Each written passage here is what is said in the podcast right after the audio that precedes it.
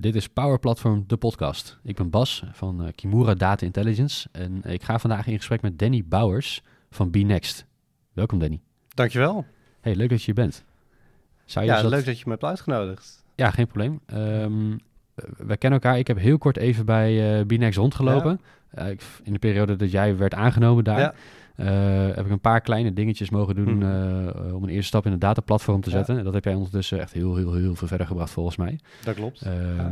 Dat is heel leuk om het daarover te gaan hmm. hebben. Maar voordat we dat gaan doen, zou jij jezelf willen introduceren? Ja, ik ben dus Danny. Ehm, werk bij BNext, nu twee jaar.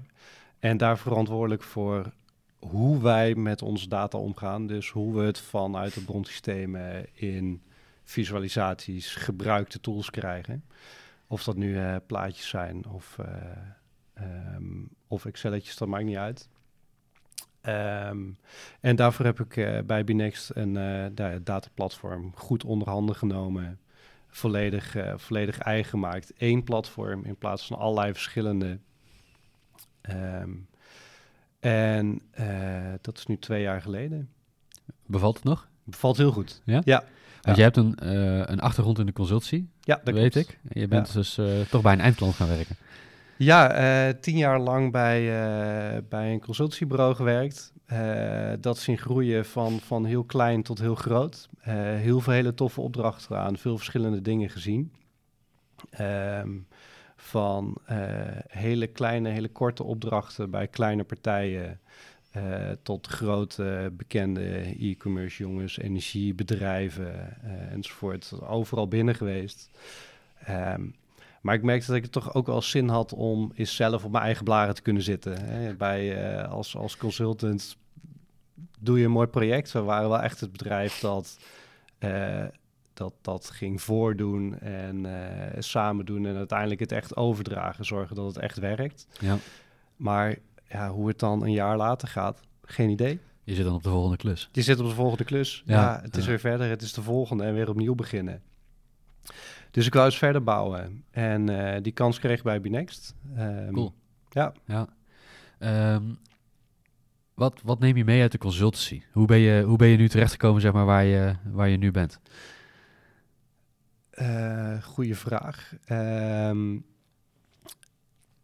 uiteindelijk bij als consultant ben je de hele tijd ook bezig om te denken, wat, wat heeft mijn klant eraan? Waarom willen ze dit? Uh, omdat je uiteindelijk een offerte moet verkopen. Ja. Uh, dus ze moeten ervan overtuigd zijn. Uh, nu hoef ik voor niks meer een offerte te maken wat ik doe. Maar bij alles denk ik nog wel steeds na, waarom doen we dit? Waarom hebben we het nodig? Waarom is het nuttig? Oh ja. Waarom moet ik hier mijn tijd in steken? Of mijn collega's? En dat, uh, dat is wel een heel waardevolle les uit de consultancy. Je pikt heel snel, als consultant moet je heel snel dingen oppikken, doorhebben hoe het gaat. Uh, en bij alles nadenken, waarom is het nuttig? Nou ja. ja, en je krijgt nu wat meer tijd, denk ik, ook om zaken uit te werken, of niet? als ik die mezelf zou gunnen, dan ja. ja. Het lukt vandaag niet, ik kan het morgen nog een keer proberen. In plaats van ik zit op een ander um, project. Nou, natuurlijk, er, er, is meer, meer ruimte om te leren. Hè? Er is meer leertijd en uh, uh, meer tijd om te kijken wat, um, hoe, hoe, kan er nu, hoe kan er nu het allerbeste in plaats van hoe kan het het beste. Ja, ja, en goed genoeg hoeft niet per se goed genoeg te zijn. Nee. nee. En dat lijkt me wel tof, dat je inderdaad echt iets uh, van, nou, niet alleen van A naar B kan brengen, maar dat je het ook kunt afmaken. En dat je daar dus ziet hoe een organisatie ja. jouw spullen en jouw werk gaat gebruiken. Um, Afmaken en gebruiken. Hè? Ja, precies. Uiteindelijk alles wat ik zelf maak, heb ik ook zelf last van. Uh, ja, het komt weer terug bij als het niet werkt. Inderdaad, ja, ja. Um, wat doet BeNext? Ja, ik weet het wel, maar voor de luisteraar. Ja. Uh, wij zijn een uh, afvalinzamelaar en verwerker. Uh, dus heel anders dan waar we het nu verder over gaan hebben. Uh, wij hebben een, uh, 150 vrachtwagens waarmee we afval ophalen bij mensen die van spullen af moeten en willen. Um, en we hebben een aantal eigen verwerkingsinstallaties waar we afval scheiden, afval, um, bijvoorbeeld beton tot, tot betongranulaat malen. Om daar vervolgens weer nieuwe dingen mee te kunnen doen. Oké, cool. Ja. ja. En dat verzamelt veel data, kan ik me zo voorstellen? Absoluut. Ja, er zitten, uh, zitten verkoopprocessen in, logistieke processen. er zit nog een stuk wet en regelgeving omheen. omdat ja, alles, alles wat je rondrijdt, dat moet je weten wat het is. Dus daar, oh daar registreren we heel veel voor. Ja, ja, ja cool. Ja. Ehm, toen jij bij Binext binnenkwam, twee jaar geleden. Wat, wat was jouw functie? Wat, wat ging je doen? Je noemt jezelf nu Data Danny, omdat je ook niet precies weet wat je, hoe je jezelf moet noemen. Vertelde je net in het voorgesprek. Uh, hoe ben je binnengekomen? Um, uh, die wist dat ze wat met data wouden, maar konden het niet. Die konden het niet zelf in ieder geval. Alles wat, uh, wat ze met data deden, daar, daar huurden ze mensen voor in. Hè. Zo ben jij daar uiteindelijk ook uh, terechtgekomen. Een paar ja. kort rondgelopen vlak voordat ik begon. Um, en uh, ik, was, ik was een beetje omheen aan het kijken. Hè? Wat ik net ook zei. Uh, dit, dit, ik wou ook eens, ook eens aan de andere kant van de tafel zitten. Um, en toen raakte ik in gesprek met, uh, met Binext. En uiteindelijk waar het op neerkwam is... ja, wij willen wat met data. Jij kan dat. Hier heb je een wit vel papier. Succes. Ga, maar wat moois ga, ga er maar wat moois van maken. Cool. Dus het was, uh, we hadden een heel, heel versnipperd landschap. Heel veel qua, qua data. Heel veel verschillende losse oplossingjes, systemen, oh ja. omgevingjes. Waardoor er ook nog best wel eens wat discrepanties in die data zaten. Um, en we hadden een beeld van een toekomstbeeld waarin we ook dingen wouden gaan doen met, met trendsanalyse, met vooruitkijken, met uiteindelijk zelfs voorspellen. Ja, dat kon allemaal niet in dit landschap. Nee, en dan moet je wat meer gaan samenbrengen, zeg maar. Of in ieder geval een structuur gaan aanbrengen. Ehm, ik kan me voorstellen dat in een organisatie die van jullie... Uh, het IT-landschap überhaupt wat diffuus is. Dat er veel verschillende applicaties worden gebruikt. Of heb ik dat mis? Um, steeds minder. Ehm, maar we hebben wel... Uh, kijk, we zijn geen IT-bedrijf. Nee. Dus uh, we willen ook niet een hele topzware IT-afdeling hebben om allerlei applicaties uh, aan te passen, bij te houden enzovoort. Dus we kopen goede applicaties mm -hmm. en die zetten we waar dat kan in zoals ze bedacht zijn. Ja, precies. Ja, want kijk, als je traditioneel bij een groothandel komt ja. die een ERP-systeem hebben, dan zit eigenlijk alles of bijna alles van hun proces in dat ene systeem. Of als je bij ja. een dienstverlener komt en alles zit in de projectadministratie ja. en de afhandeling daaromheen, dan mm -hmm. zit heel veel data van de primaire processen in dat ene systeem. Is dat bij jullie dan ook het geval?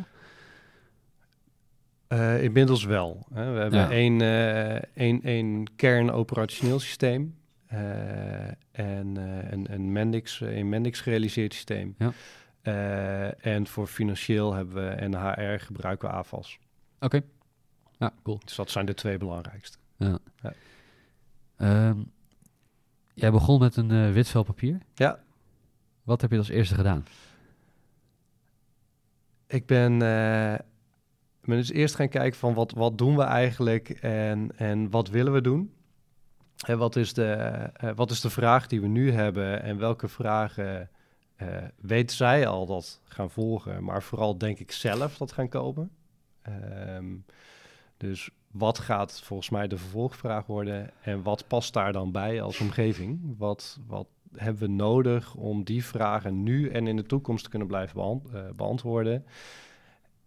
En dat te doen met een klein clubje.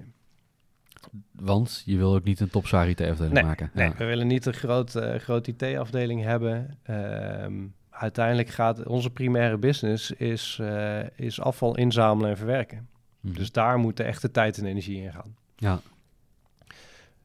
Um, ja, dat betekent als je BI met weinig mensen wil doen, dat je veel moet kunnen automatiseren en standaardiseren. Dat hoor ik sowieso graag. Ja. ja. Dus uh, als, ik een, uh, als we ergens een bron hebben, wil ik geautomatiseerd die hele bron leeg kunnen trekken. Of in ieder geval alles waar ik bij kan. Ja. Niet voor ieder tabelletje weer opnieuw moeten klikken. Precies. Um, en daar moet je dan een oplossing bij zoeken. Hè? Waarmee, waarmee kan dat? Ja, precies. Want voordat je data in Power BI hebt, uh, moet er best wel wat gebeuren natuurlijk. En dat gaat niet vanzelf. Nee, nee, dat, nee, dat wordt wel eens vergeten, maar dat gaat absoluut niet Er wordt vaak Power BI verkocht ja. in de marketing. Ja. Maar er moet nog wat onder uh, gebeuren. Ja, in de, in de, in de sales is het, is het 80% Power BI en 20% ah, we moeten ook wat data engineering doen. In de praktijk is het 80% engineering en 20% Power BI. ja, ja, dat is heel herkenbaar inderdaad.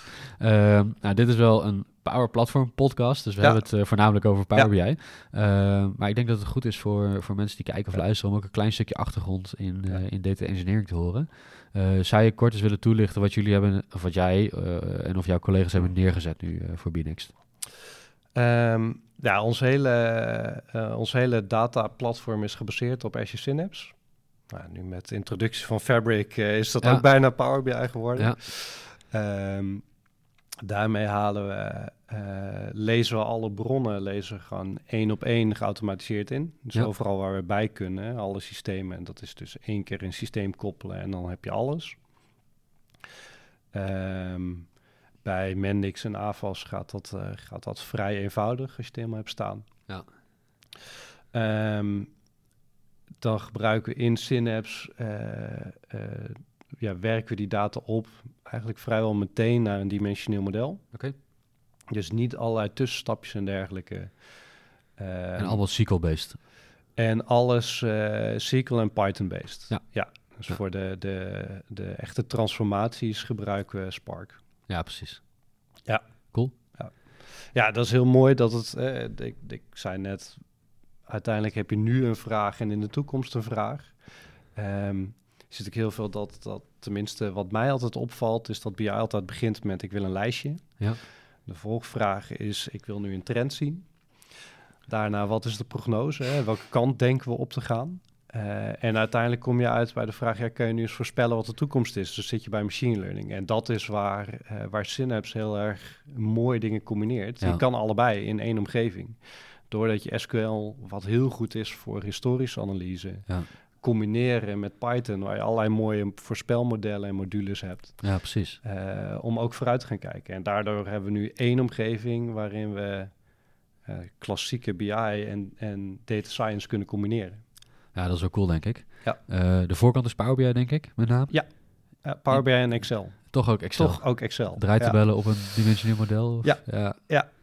Ja, en dat, uh, dat vind ik wel mooi aan die Microsoft Stack, dat die twee ook combineren. Ja. in, de, in, in een vorige uitzending zei Jeroen ook, uh, er zijn tien keer zoveel Excel-gebruikers als Power BI-gebruikers. Ja, laten we die ook helpen. Ja, waarom niet? Waarom niet? Ja, ja precies. En dat, dat kan prima met die modellen. Ja, precies. Jullie hebben een hele mooie uh, data-architectuur neergezet, denk ik, die jullie helpt om nu en in de toekomst uh, in jullie informatiebehoeften te voorzien. Ja. Uh, je hebt aangegeven, we kunnen makkelijk nieuwe bronnen toevoegen als dat nodig is. Hm. daar hebben we heel weinig werk aan. Dat is eigenlijk vrijwel ja. geautomatiseerd. En er komt een dimensioneel datamodel uit. Ja. dat gaat rechtstreeks op Power BI dataset in, denk ik. Of zit daar nog wat tussen? Nee, nee, dat gaat direct een dataset in. En daar bedien je de, dan al je users mee. Ja. ja. Hoeveel users hebben jullie ongeveer? We hebben um, intern hebben we ongeveer, uh, um, ongeveer 50 gebruikers van BI. Ja. Um, ja, eigenlijk al het kantoorpersoneel uh, die, uh, die heeft wel toegang tot, tot een dashboard. en extern ja, hebben we een app waar ook een Power BI embedded dashboard in zit. Oh, cool. er zitten 4000 user accounts in die app. Uh, hoeveel echt ook dat dashboard opvragen, dat uh, weet je durf niet zeggen. Nee, nee. Maar potentieel best wel veel dus. Ja. ja. ja. Um, waar ik het vandaag over wil hebben, en eigenlijk de reden dat we dit gesprek nu ook hm. voeren, is hoe zet je nou Power BI in, uh, deels centraal geregeld, hm.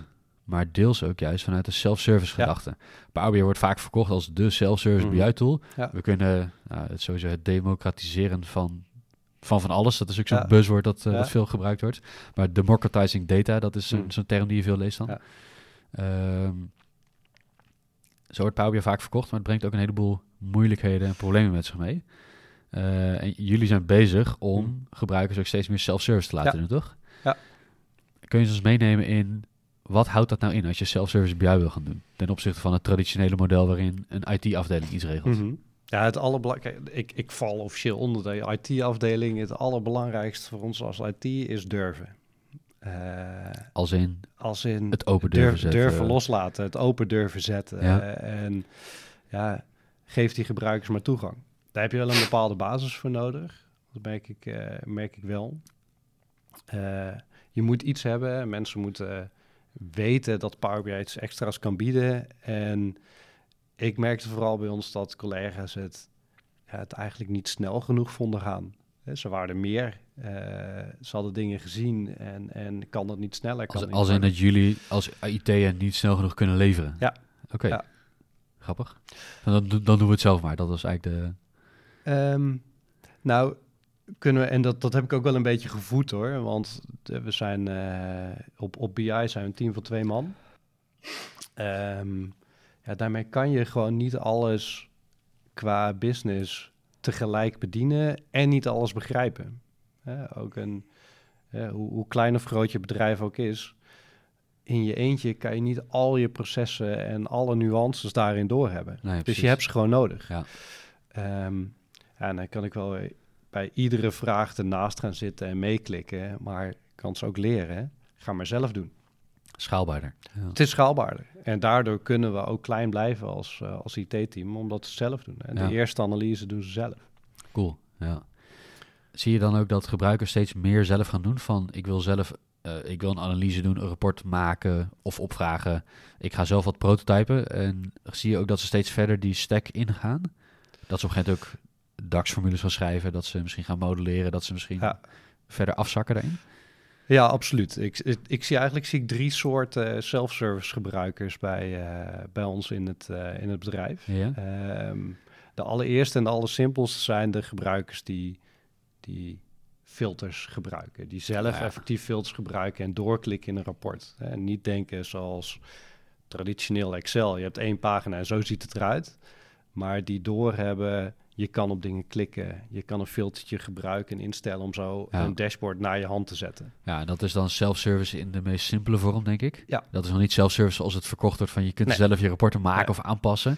Uh, dat, dat zit er nog veel in, het, in de UI en UX. Klopt, maar eh, daar begint wat mij betreft self-service wel. Ehm, door na te denken over, ik krijg een vraag en wat is de vervolgvraag?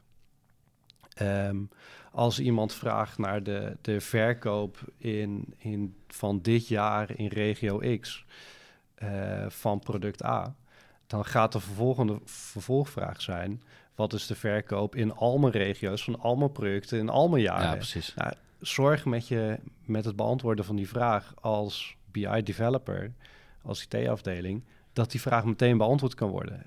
Dan heb je al een stapje in de self-service. Ja. En dat zijn, is een kwestie van niet je filters hard instellen, maar gewoon drie filters in beeld brengen. Ja, laat het ze maar zien. Laat ze maar zien, laat ze maar zelf gebruiken. Ja. En daardoor krijgen ze een beetje feeling met, hey, wat, wat, wat is die data die we hebben? Wat is die informatie die we kunnen vinden? En waar is zo'n tool toe in staat? Cool. En van daaruit was de stap ook al wat kleiner naar de self-service gebruiker die zelf het model consumeert. Dus die, die niet het moet doen met de filters die ik hem geef.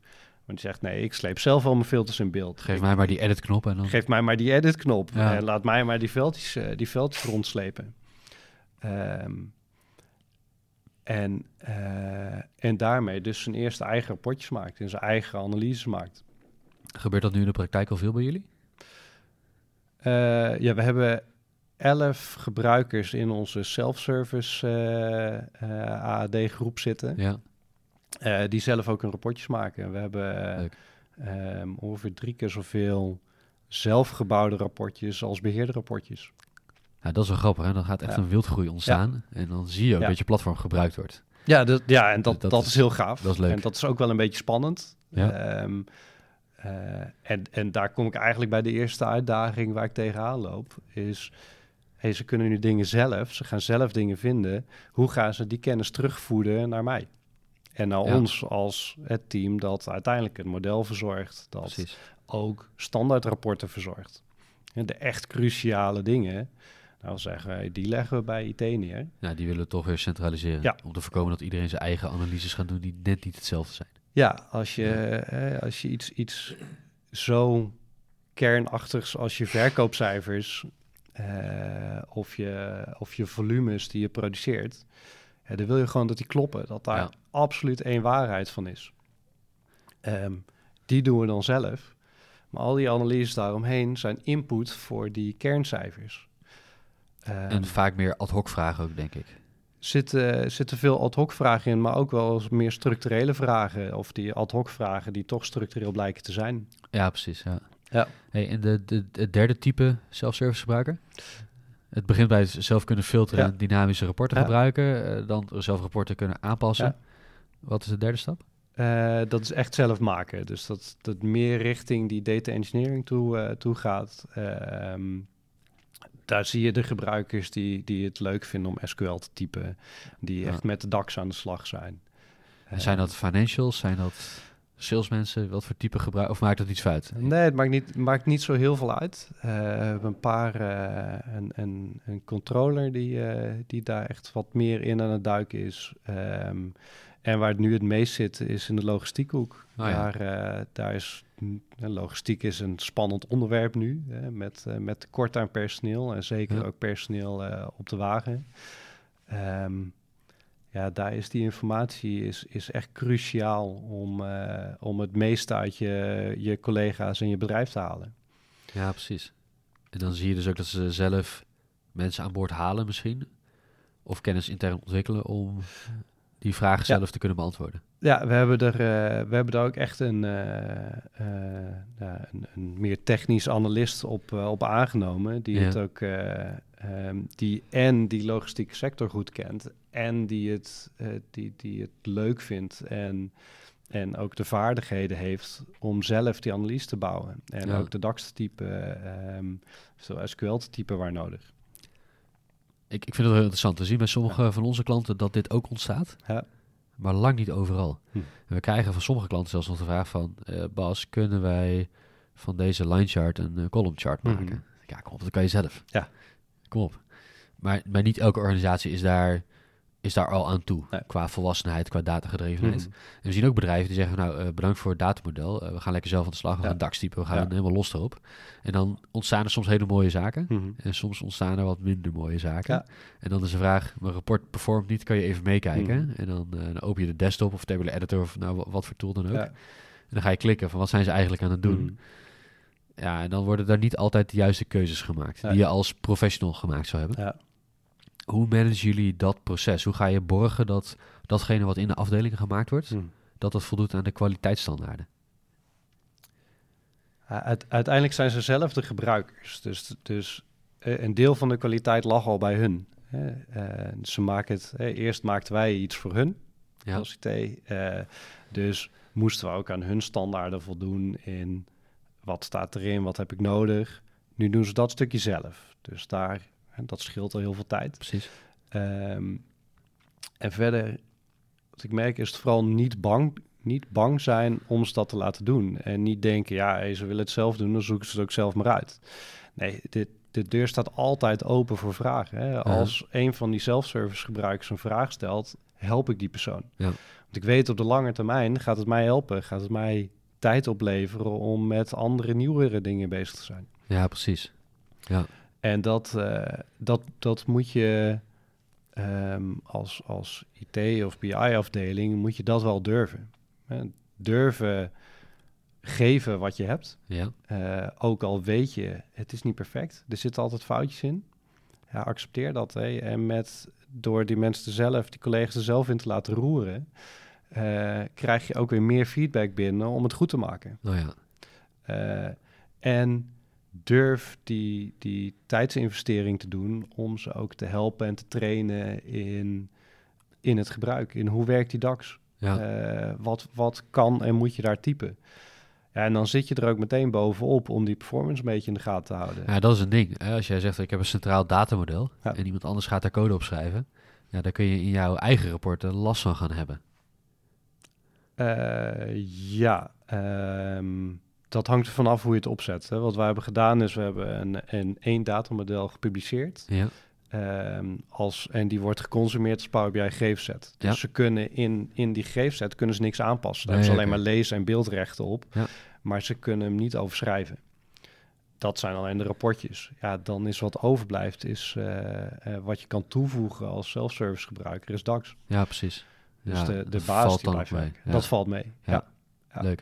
We, hebben, we hebben één klant waarbij dit ook gebeurt. Er zit een operationeel manager, Mhm. geen IT-achtergrond. Wel goed met Excel. Ja. En die zei, ja, eh, kan ik niet ook zelf DAX schrijven? Ja, Ja. dat kan. Power Desktop is een, in een tin report file Mhm. eh, verbonden met een Ja. datasetje. Kun je zelf DAX schrijven. Die zit van alles nog te produceren. Eh, de mooiste analyses te maken. Mhm. Ik heb hem al een keer een baan aangeboden, maar dat wilde hij Ja, niet. ja, ja, ja. Goed. Maar eh, ja, je ziet daar wel mooie dingen ontstaan. Mhm. En vaak veel mooier dan wat een IT-afdeling of een consultant kan opleveren, omdat je de domeinkennis hebt. Ja. Die gebruiker heeft de domeinkennis, die weet precies waar hij naar kijkt, hoe wat de cijfers betekenen Mhm. en hoe je naar die cijfers moet kijken. Ja. Eh, en die hoeft dat niet eerst uit te leggen aan iemand Mhm. en dan te wachten tot er wat gaat gebeuren. Ja. Eh, dus dat, dat is heel cool. Het is goed dat Mhm. jullie daarmee bezig zijn, want dat gebeurt eigenlijk nog te weinig, denk ik. In de marketing en in de sales wordt er geroepen dat het kan. In de praktijk gebeurt het heel minimaal. Ja, waar denk je dat dan ligt? Ik denk tweeledig. Ik denk één dat afdelingen geen kennis hebben en het dan Ja. maar bij IT leggen of bij de consultant leggen. Mhm. Eh, en dat IT-partijen of, of IT-afdelingen het heel eng vinden om zaken open te zetten. Ja. Dat wil zeggen, nou, als wij het controleren, dan weten we in elk geval dat het werkt. Mhm. Maar we, zijn zo druk en we hebben het zo moeilijk en Ja. oh, we zijn zo zielig. Ja. oké, besteed het dan uit aan je Mhm. gebruiker.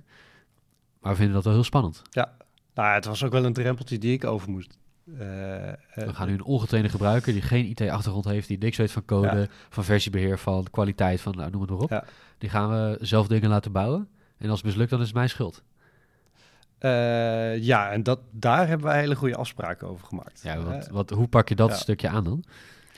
Ehm, we hebben sowieso hebben dus, dus één centrale dataset. Ehm, of eigenlijk twee. Hè, twee verschillende. Eentje over planning en één over realisatie. En daar proberen we zoveel mogelijk bij in te stoppen. Hè, zolang dat in dat dimensioneel model ook past en Ja. bruikbaar is, Ja. stoppen we het erbij in.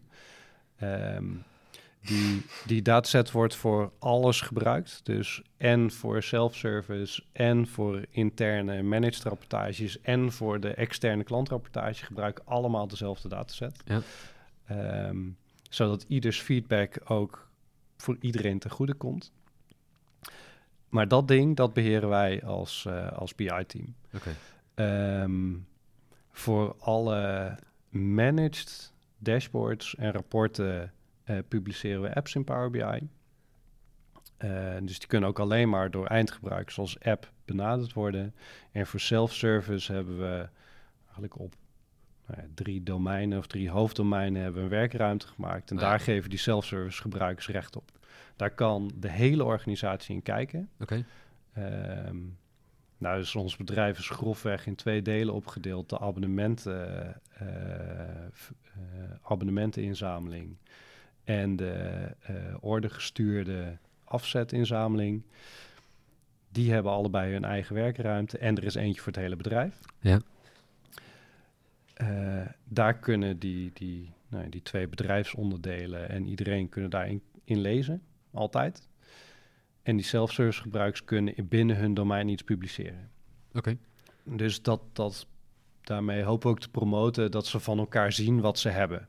Ja, Eh, precies. en wat er, wat er voorbij komt. Dus Ja. dat niet, niet drie mensen hetzelfde rapportje maken, maar hem gewoon openklikken omdat een collega hem al gemaakt heeft. Ja. Ehm, De wildgroei valt dan ook wel mee waarschijnlijk. Ja, die valt wel wat mee. Eh, je ziet zeker in het begin dat er heel veel experimentjes in die, eh, in die werkruimtes komen te staan. Ja. Dus heel veel, nou ja, one-issue overzichtjes of, of rapportjes met test in de naam, dat soort Ja. dingen. Ja. Ja. dat is soms eens opruimen, eh, soms in de gaten houden wat daar, eh, wat daar gebeurt. Ehm, maar dat is hun stukje. Precies. Hè, Dus daar is- neem jij ook geen verantwoordelijkheid voor. Nee, nee, wat daar staat is hun, hun, nou ja, hun probleem Ja. eigenlijk. Of hun oplossing. Of hun oplossing. Ja, uiteindelijk Hoop- gaat het om die hopelijk oplossing. ja. Eh, en daar, ehm, ja, wij kunnen daar meekijken als, eh, als BI-team. En vanuit te kijken, wat, wat zijn nou lessen die we daaruit kunnen halen om naar de apps mee te brengen? Wat kunnen we Ja. daaraan toevoegen?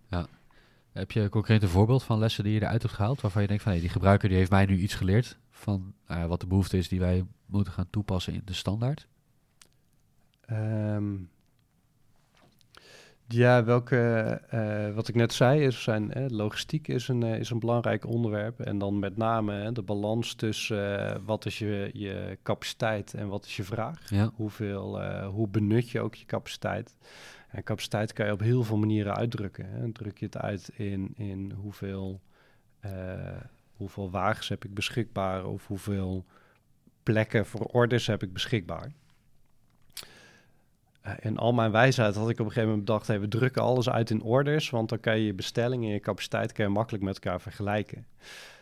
Maar daar is een, collega in de self-service ook mee aan de gang gegaan. Uh, die heeft ook, ook eigen versies van dat uh, overzicht gemaakt. Die had alle ruimte en tijd om ook met alle logistiek verantwoordelijk om tafel te gaan.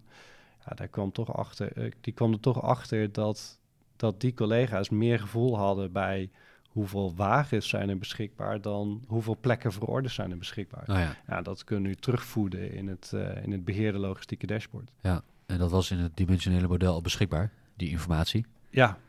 Ja, of je het nou in wagen uitdrukt of in, in orders, dat, dat maakt, maakt in dat model niet, zoveel meer uit nee. natuurlijk. Nee. nee. Ah, dat is wel interessant, want ik denk dat je daardoor heel veel waarde toevoegt. Ja. Ten opzichte van de collega die zegt, ja, dit is net niet wat ik zoek, ik ga het op een andere manier proberen op te lossen. Ja. En dan heb je een dataplatform gemaakt dat niet wordt gebruikt. Het, het alternatief is dat ze vragen naar de exportknop en zeggen, hey, ik ga in Ik ga het Excel een ruitenbelletje maken. Ja, ja dat is toch de meest eh, gebruikte knop in Power BI. De export naar Excel. Ja. Ja, zeker weten. Helaas, ja. Eh, ja, cool. Hey, waar ik nog wel benieuwd naar ben, is hoe hou je dit nou beheersbaar? Want je, geef, je gaf net eigenlijk al aan van ja, de- we hebben een aantal werkruimtes. Mhm. We hebben een eh, Azure Active Ja. Directory groep voor self-service gebruikers. Dus we kunnen op basis daarvan eh, sturen wie Mhm. wat mag doen. Ja. Heb je recht om te bewerken of Mhm. niet. Eh, eh, behalve het periodiek opschonen van alle troep en tests die ontstaat. Hmm. Hoe hou je dit beheersbaar? Qua ontwikkeling, qua wildgroei aan objecten, qua governance, security, noem het maar op. Ja, de, de governance, security en, en de objecten, die hebben we dus ingebakken in het dimensioneel model. Dat is een stukje dat we beheren, eh even heel flauw gezegd, dat is van ons. Ja. Ehm, dus als daar wat bij moet, moeten ze ook ons vragen. En dat daardoor verschuift onze rol ook een beetje van het team dat grafiekjes maakt naar het team dat data beschikbaar stelt en prepareert. Ja. wij zijn als BI-team veel meer en meer met data engineering bezig dan met plaatjes maken. Dus de analyserol ligt veel meer in de organisatie. Ja, die, dat, dat verschuift wel. En dat zie ik wel ook in de vragen die wij krijgen. Eh, Een beetje afhankelijk van de afdelingen. Sommige afdelingen zijn er gewoon nog niet rijp voor om zelf grafiekjes te maken. Hey, dan krijg je gewoon een vraag om een grafiekje te maken. Ja. Ehm, maar andere teams, ja, die doen het zelf. Dus geef die data maar. En eh, wij, wij roeren er verder wel in. Dus daar zit een stuk, stuk governance en, en ook de, de vraag die wij ons verplichten om dan te stellen is, maar waarom heb je dat nodig? Hoe ga je Ja. het gebruiken? Wat voor soort analyses denk je hiermee te kunnen doen? En stel je dan de goede vraag om extra informatie? Of kunnen we dat op een andere, slimmere, betere manier eh, oplossen? Dus daar zit een stuk governance van dat eh, model. Ehm, dan biedt Power BI zelf eh, en het, het, het platform zelf nog wat opties om, dat, eh, om daar dingen in te beschermen met bijvoorbeeld row-level security, met Oh ja. het toegang tot de werkruimtes enzovoort. Nu hebben we op dit moment nog geen gevoelige data in het model zitten. Maar er gaat een punt komen dat we ook, eh, ook HR-data en verzuiminformatie eh, in een model hebben zitten. Ja, dan moet je gaan na gaan Dan moeten we daar echt wel serieus over na gaan denken. Ja. ja. Je mag eh, de aggregatie wel zien, maar de individuele verzuimdata niet. Tenzij je Ja. de manager bent of de. HR-afdeling. ja. Ja. Ja, dan moet je iets beter gaan nadenken over hoe ga ik de data ook distribueren in de organisatie. Ja, hoe ga je het, hoe ga je het delen? En, en dat begint al bij hoe ga je het opslaan. Ja.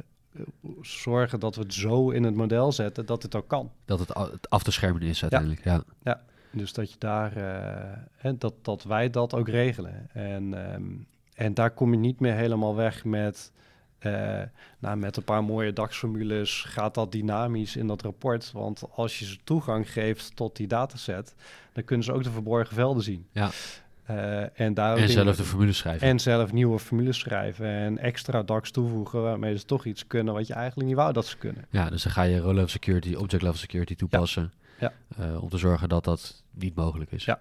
Heb, Ja, je, zeker. heb je op dit moment eh, praktisch alles openstaan? Omdat er geen gevoelige informatie is? Is alle commerciële informatie voor iedereen beschikbaar, bijvoorbeeld? Ja, dat is allemaal beschikbaar. Ja, dat, dat maakt het een stuk makkelijker natuurlijk. Mhm. Ja. Eh, dus het wordt eigenlijk alleen gestuurd op je zit aan de ene of aan de andere kant van het bedrijf. Dus aan de abonnementenkant of aan de ordergestuurde kant. Ja. En meer, meer dan dat niet. Daar komt het wel op neer. Ja. En ook die kunnen in die dataset is dat nog niet, af, is dat niet afgeschermd. Dus één Eh, dataset onder. Het is één dataset onder, dus ehm, ja, beide onderdelen kunnen ook van elkaar dingen zien. Ja, Ehm, op zich is dat ook wel goed hè? Wij uiteindelijk, adviseren dat bij ja, bedrijven ook vaak. Van, eh, ja, je hoeft niet eh, alles open te zetten. Je hoeft niet op internet te zetten hoeveel, eh, Ja. hoeveel je verdient. Nee. Maar als je intern zichtbaar maakt wat je doet als bedrijf, dan krijg je de theorie van het open boekmanagement. Mensen gaan zien wat ze doen en wat de impact van hun acties is. Waardoor er betere acties ondernomen worden. Er komen vanuit, vanuit verschillende hoeken kunnen er inzichten ontstaan die je anders niet had gekregen. Ja. Omdat ze dingen kunnen zien die ze normaal niet zagen. Toch weer democratizing data. Eh, uiteindelijk wel. En ik Ja. denk dat hij daar veel meer in zit dan, eh, dan iedereen maar een data engineer maken. Eh, Ja, en en iedereen een training in Power Query geven. Ehm, ja, soort, wees niet bang om het open te stellen. Hey, er, kunnen, het, er kunnen heel veel mooie dingen uitkomen. Heel veel nieuwe inzichten uitkomen. En als jij een datagestuurd bedrijf wil zijn, zorg dan ook dat je bij die data kan. Ja, eens. Ja. Eh, dat brengt me eigenlijk meteen een beetje naar de laatste vraag, of een afrondende vraag. Hm. Wat doen jullie in de organisatie aan change management, aan opleidingen, aan nou ja, de wat softere skills in het bedrijf, niet voor IT, maar in het bedrijf, eh, om ook echt een datagedreven organisatie te worden? Ehm, eigenlijk zijn we daar vrij passief in.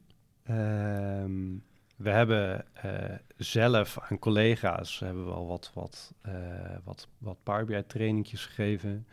Ehm, en ook als we een nieuw dashboard maken, dan laten we, dat, laten we het zien. Dan vertellen we ook waarom we dat zo gemaakt hebben en zo bedacht hebben. Hoe, je het, Ja. hoe wij hebben bedacht dat je het gebruikt. En dan zien we vanzelf of ze het ook zo gaan gebruiken en wat er uiteindelijk nog aangepast moet worden. Ontstaan er ook ambassadeurs in de afdelingen? Ehm, ja, wij werken eh, sowieso met, met ambassadeurs, of wij noemen het dan werkstroomaanvoerders, die voor een bepaald domein in het, eh, binnen het proces verantwoordelijk zijn. En eh, richting digitalisering. En dan Oh ja. digitalisering in de breedste zin van het woord. Ehm, dus dat gaat ook over eh, wat moet er gebeuren en ontwikkelen in onze primaire systemen. Eh, wat moet er gebeuren en ontwikkelen in onze klantsystemen en in de dashboards. Dus die proberen we echt samen te voegen. Ja. Eh, uiteindelijk, BI is, is voor heel, een heel groot deel ondersteunend aan je primaire processen. Ja, laat elkaar dan ook helpen. Dus waarom zou een apart BI-board maken ten opzichte van een, een, eh, een, een ERP-board of iets dergelijks? Nou, gewoon één groep. En we distribueren daar intern die vra- in dat team de vragen wel. Ja, Dus daar zitten wat ambassadeurs. Slim. Ehm, en verder eh, zoek ik vooral naar mensen die enthousiast zijn. Hey, als ze willen, ehm, als ze er zin in hebben, hier heb je toegang tot die dataset. Ga maar eens dingen maken. En eh, dit is mijn Teams, dit is mijn telefoonnummer. Zorg dat je het gebruikt. Ja, leuk. Dus je, je laat het heel erg vrij eigenlijk. Ja. Maar je stimuleert het gebruik. Dat is eigenlijk dat is wat Ja. jullie doen. Ja. Ja, ja ga maar doen. Ehm, en het enige wat ik erbij kan zeggen is... hey, wij zijn ook mensen, wij maken ook fouten. Dus als je ziet, laat het weten en dan kun je het fixen. Cool. Heb jij een afsluitende tip voor luisteraars die in een vergelijkbare positie zitten? Die met hun organisatie bezig zijn met BI en zich afvragen hoe gaan we dat in de organisatie brengen? Het allerbelangrijkste is gewoon durven doen. Ehm, zet het open en zorg dat jij beschikbaar bent om daarover te praten. Want het, het allermoeilijkste met self-service is zorgen dat het niet eenrichtingsverkeer is van hey, wij geven jullie wat veel plezier ermee, maar ook dingen terugkrijgen. Als zij met die data spelen, eh, met die dataset spelen en ze leren daar dingen uit, dat jij die ook weer terugkrijgt, waardoor veel meer mensen er profijt van hebben. En jij er ook profijt van hebt in het maken van managed oplossingen. Ehm, en de, in mijn optiek de enige manier om dat voor elkaar te krijgen is zorg dat je in gesprek blijft. Dus altijd zeggen, ik heb tijd om je te helpen. En dat is moeilijk.